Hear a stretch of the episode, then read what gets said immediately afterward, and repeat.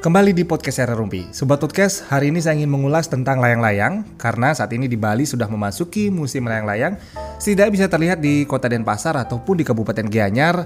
Eh, langitnya baik pagi hari, terutama di sore hari ini selalu dipenuhi oleh layang-layang dengan berbagai macam bentuk, ukuran, kemudian bisa mengeluarkan suara, bahkan juga di Kota Denpasar ada layang-layang yang bisa bercahaya. Loh, kenapa? Karena layang-layangnya dipasangi lampu, jadi bisa bercahaya begitu pada malam hari ya. Nah di, so, di tempat tinggal sobat sendiri itu ada layang-layang nggak? Atau yang ada juga nggak yang bermain layang-layang? Kalau ada, boleh dong diceritain juga di kolom komentar dari channel YouTube Alamku Hijau Channel. Nah kalau ngomong soal layang-layang tentu kita lihat juga nih sejarahnya seperti apa. Dari sekian sejarah mengenai layang-layang yang saya dapatkan dari internet yang saya kulik-kulik begitu ya. Yang menarik adalah salah satunya ada dari Tiongkok, tepatnya dari kota Weifang, Provinsi Shandong. Di mana kala itu saya kutip dari travel.detik.com, layang-layang digunakan bukan untuk hiburan melainkan untuk berperang ya tepatnya pada pemerintahan dinasti Han tahun 202 sebelum Masehi. Kala itu pemerintahan dinasti Han ini dipimpin oleh Kaisar Liu Bang yang sedang berperang dengan Xiang Yu. Dan atas usul dari salah satu jenderalnya, Han Xin, dibuatlah layang-layang dengan ukuran yang sangat besar, kuat, berbahan kulit sapi, dan kemudian bisa menerbangkan seorang prajurit. Wow, jadi layang-layangnya ini digunakan sebagai strategi perang nih ya. Jadi bisa menerbangkan seorang prajurit. Loh kenapa bisa harus menerbangkan seorang prajurit? Karena prajurit yang diterbangkan dengan layang-layang ini nantinya bertujuan atau bertugas untuk memainkan musik uh, atau lagu yang berjudul rakyat uh, maksud saya uh, lagu rakyat Chu Kingdom dengan seruling. Nah jadi Chu Kingdom ini sendiri merupakan tanah kelahiran dari pasukan Xiang Yu musuh dari Kaisar Liu ini. Nah, mendengar lagu tersebut, uh, lagu rakyat Chu Kingdom ini, pasukan Xiangxiu menjadi galau dan rindu kampung halaman. Nah, kesempatan inilah digunakan oleh Kaisar Liu untuk menyerang uh, pasukan atau dari Xiangyu ini uh, sehingga bisa memenangkan peperangan. Wah, jadi begitu ya tujuannya dibuatnya layang-layang pada saat itu untuk strategi atau alat berperang nih. Oke, kemudian ada juga nih sejarah lain yang menyebutkan kalau layang-layang ditemukan pada abad kelima sebelum masehi oleh ilmuwan Yunani dan Tarentum. Itu saya kutip dari batan. Uh, saya kutip dari artikel batam.tribunnews.com. Oke, nah kalau kita ngomong-ngomongin soal layang-layang yang bisa nerbangin orang gitu ya, saya jadi teringat dengan layang-layang uh, pastinya ukuran besar gitu ya. Saya jadi teringat dengan layang-layang janggan yang bernama Nagaraja ya layangan Jangan Naga Raja ini sempat memecahkan rekor muri sebagai layangan tradisional terbesar dan terpanjang di Indonesia pada tahun 2016. Uh, memang kayak gimana sih? Mungkin pasti udah beberapa udah uh, sobat udah pada tahu nih ya.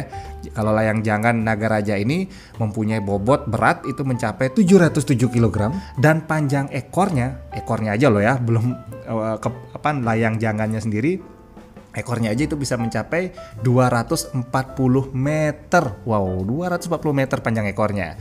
Dan pembuatan layang ini sendiri menghabiskan biaya sebesar 120 juta rupiah dan dibutuhkan ratusan orang untuk bisa menerbangkannya. Nah, ini yang rekor muri. Tapi ngomong-ngomong rekor layangan sendiri ternyata banyak jenisnya nih ya, termasuk juga di dunia. Seperti misalkan juga pada tahun yang sama di tahun 2016 terciptakan juga uh, atau tercatatkan juga rekor dunia dalam Guinness yang tercatat dalam Guinness World Record uh, yaitu layang-layang rekor dunia layang-layang terbesar yang berbahan daun. Dan menariknya pembuatnya adalah orang Indonesia sendiri asal uh, Sulawesi Tenggara yaitu Lamasila bersaudara nih. Waduh, ternyata ada juga orang Indonesia memecahkan rekor dunia dengan pembuatan layang-layang berbahan uh, layang-layang daun ya, berbahan daun seperti itu.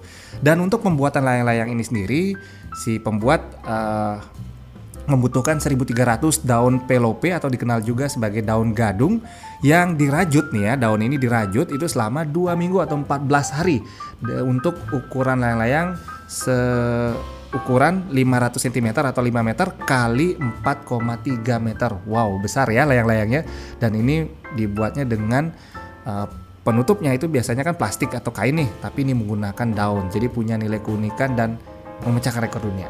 Oke, dan ternyata layang-layang ini juga mampu diterbangkan hampir satu jam. Wah, menarik ya. Jadi bukan hanya soal ukuran gede-gedean, soal uh, bahannya tapi juga bisa diterbangkan. Jadi terbukti bahwa ini layang-layang layak untuk mendapatkan rekor dunia. Oke, selanjutnya rekor yang lain juga ada nih tentang layang-layang masih tentang layang-layang tentunya, yaitu layang-layang terpanjang di dunia. Nah, ini sempat tercatat oleh Guinness Book of Record dunia yang layang-layang ini sendiri diterbangkan pada Festival Layang-layang Internasional Chongqing. Ya, layangan berkepala naga ini menjadi layang-layangan berkepala naga nih ya panjangnya itu mencapai 6000 meter loh. 6 kilo nih. Waduh 6 kilo loh layangan bukan lari maraton. Ini la panjang layangan 6 kilo. Dan mengalahkan rekor sebelumnya yaitu 5000 meter atau 5 kilometer yang diterbangkan oleh dua profesional dari kota Weifang, uh, Weifang Tiongkok, yaitu tempat ya di mana layang-layang digunakan sebagai atau sejarah jadi layang-layang digunakan sebagai alat untuk berperang. Dan untuk membuat layang-layang ini juga uh, dana yang dibutuhkan juga nggak sedikit nih, yaitu kurang lebih mencapai 100 ribu yuan. Nah, kalau satu yuan saat ini kursnya 1.900 rupiah, berarti kurang lebih menghabiskan dana ratusan juta rupiah. Wow, inilah ya penghobi dan boleh bilang mungkin penggila layang-layang deh, pecinta layang-layang deh saya sebutnya ya, bisa menciptakan rekor-rekor yang uh, menarik banget ya, uh, rekor dunia begitu dengan ukuran layangannya, dengan uh, bahan layangannya, wah ini menarik banget.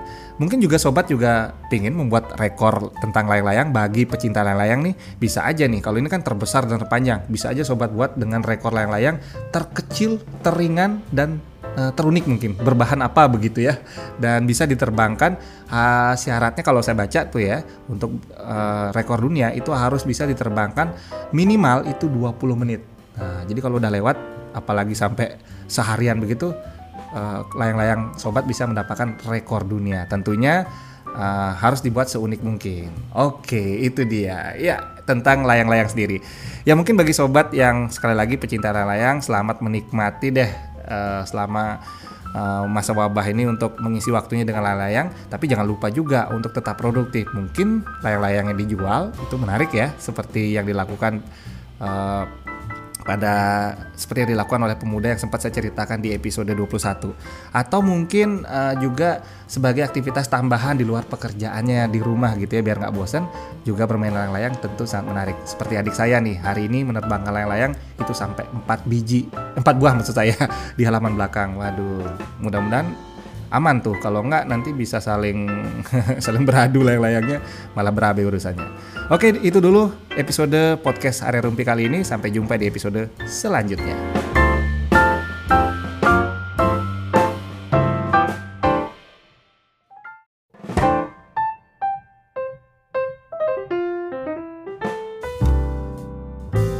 Selamat Hari Media Sosial. Ya, setiap tanggal 10 Juni kita merayakan Hari Media Sosial. Ada sobat yang baru tahu? Tenang aja, saya juga baru tahu kok.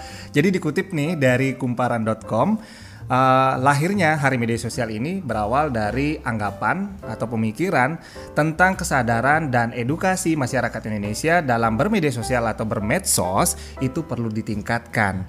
Hal ini bertujuan agar segala sesuatu yang dilakukan atau aktivitas di dalam bermedsos ini memberikan pengaruh positif bagi banyak orang lahirnya sendiri itu dicetuskan oleh seorang pengusaha asal Indonesia yaitu Handi Irawan pada lima tahun yang lalu dan sekarang kita bisa tahu ya bahwa hari media asal usul tentang hari media sosial ini sendiri uh, memiliki tujuan yang positif seperti itu.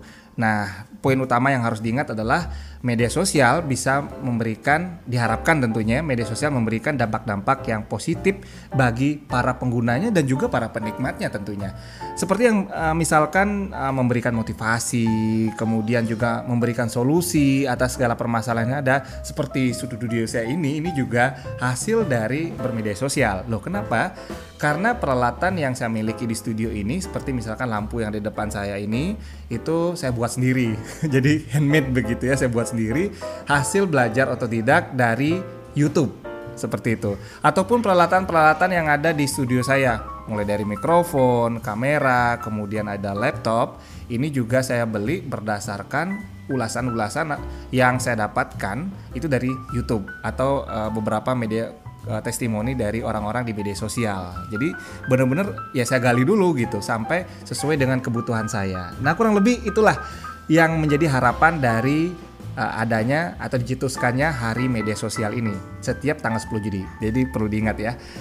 Nah, kita selanjutnya uh, saya akan menyapa sobat medsos, sobat medsos saya yang telah menjawab beberapa uh, dua pertanyaan ya, bukan beberapa tapi dua pertanyaan uh, beberapa hari yang lalu tentang media sosial sendiri. Jadi pertanyaannya adalah media sosial apa nih yang paling sering digunakan dan untuk apa? Uh, kurang lebih seperti itu. Uh, jadi saya ingin sapa langsung uh, di kebetulan yang menjawab ini ada di Instagram saya ya di Arya underscore Astawa ya.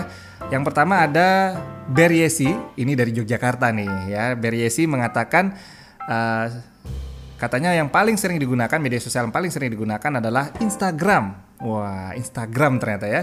Dan uh, keperluannya buat apa? Yaitu untuk update uh, tentang parenting dan kesehatan sih terutama pola makan dan hidup sehat sama info tentang perkembangan anak. Wah, ketahuan nih ibu muda ya. Memang ibu muda sih beriasi ini ya.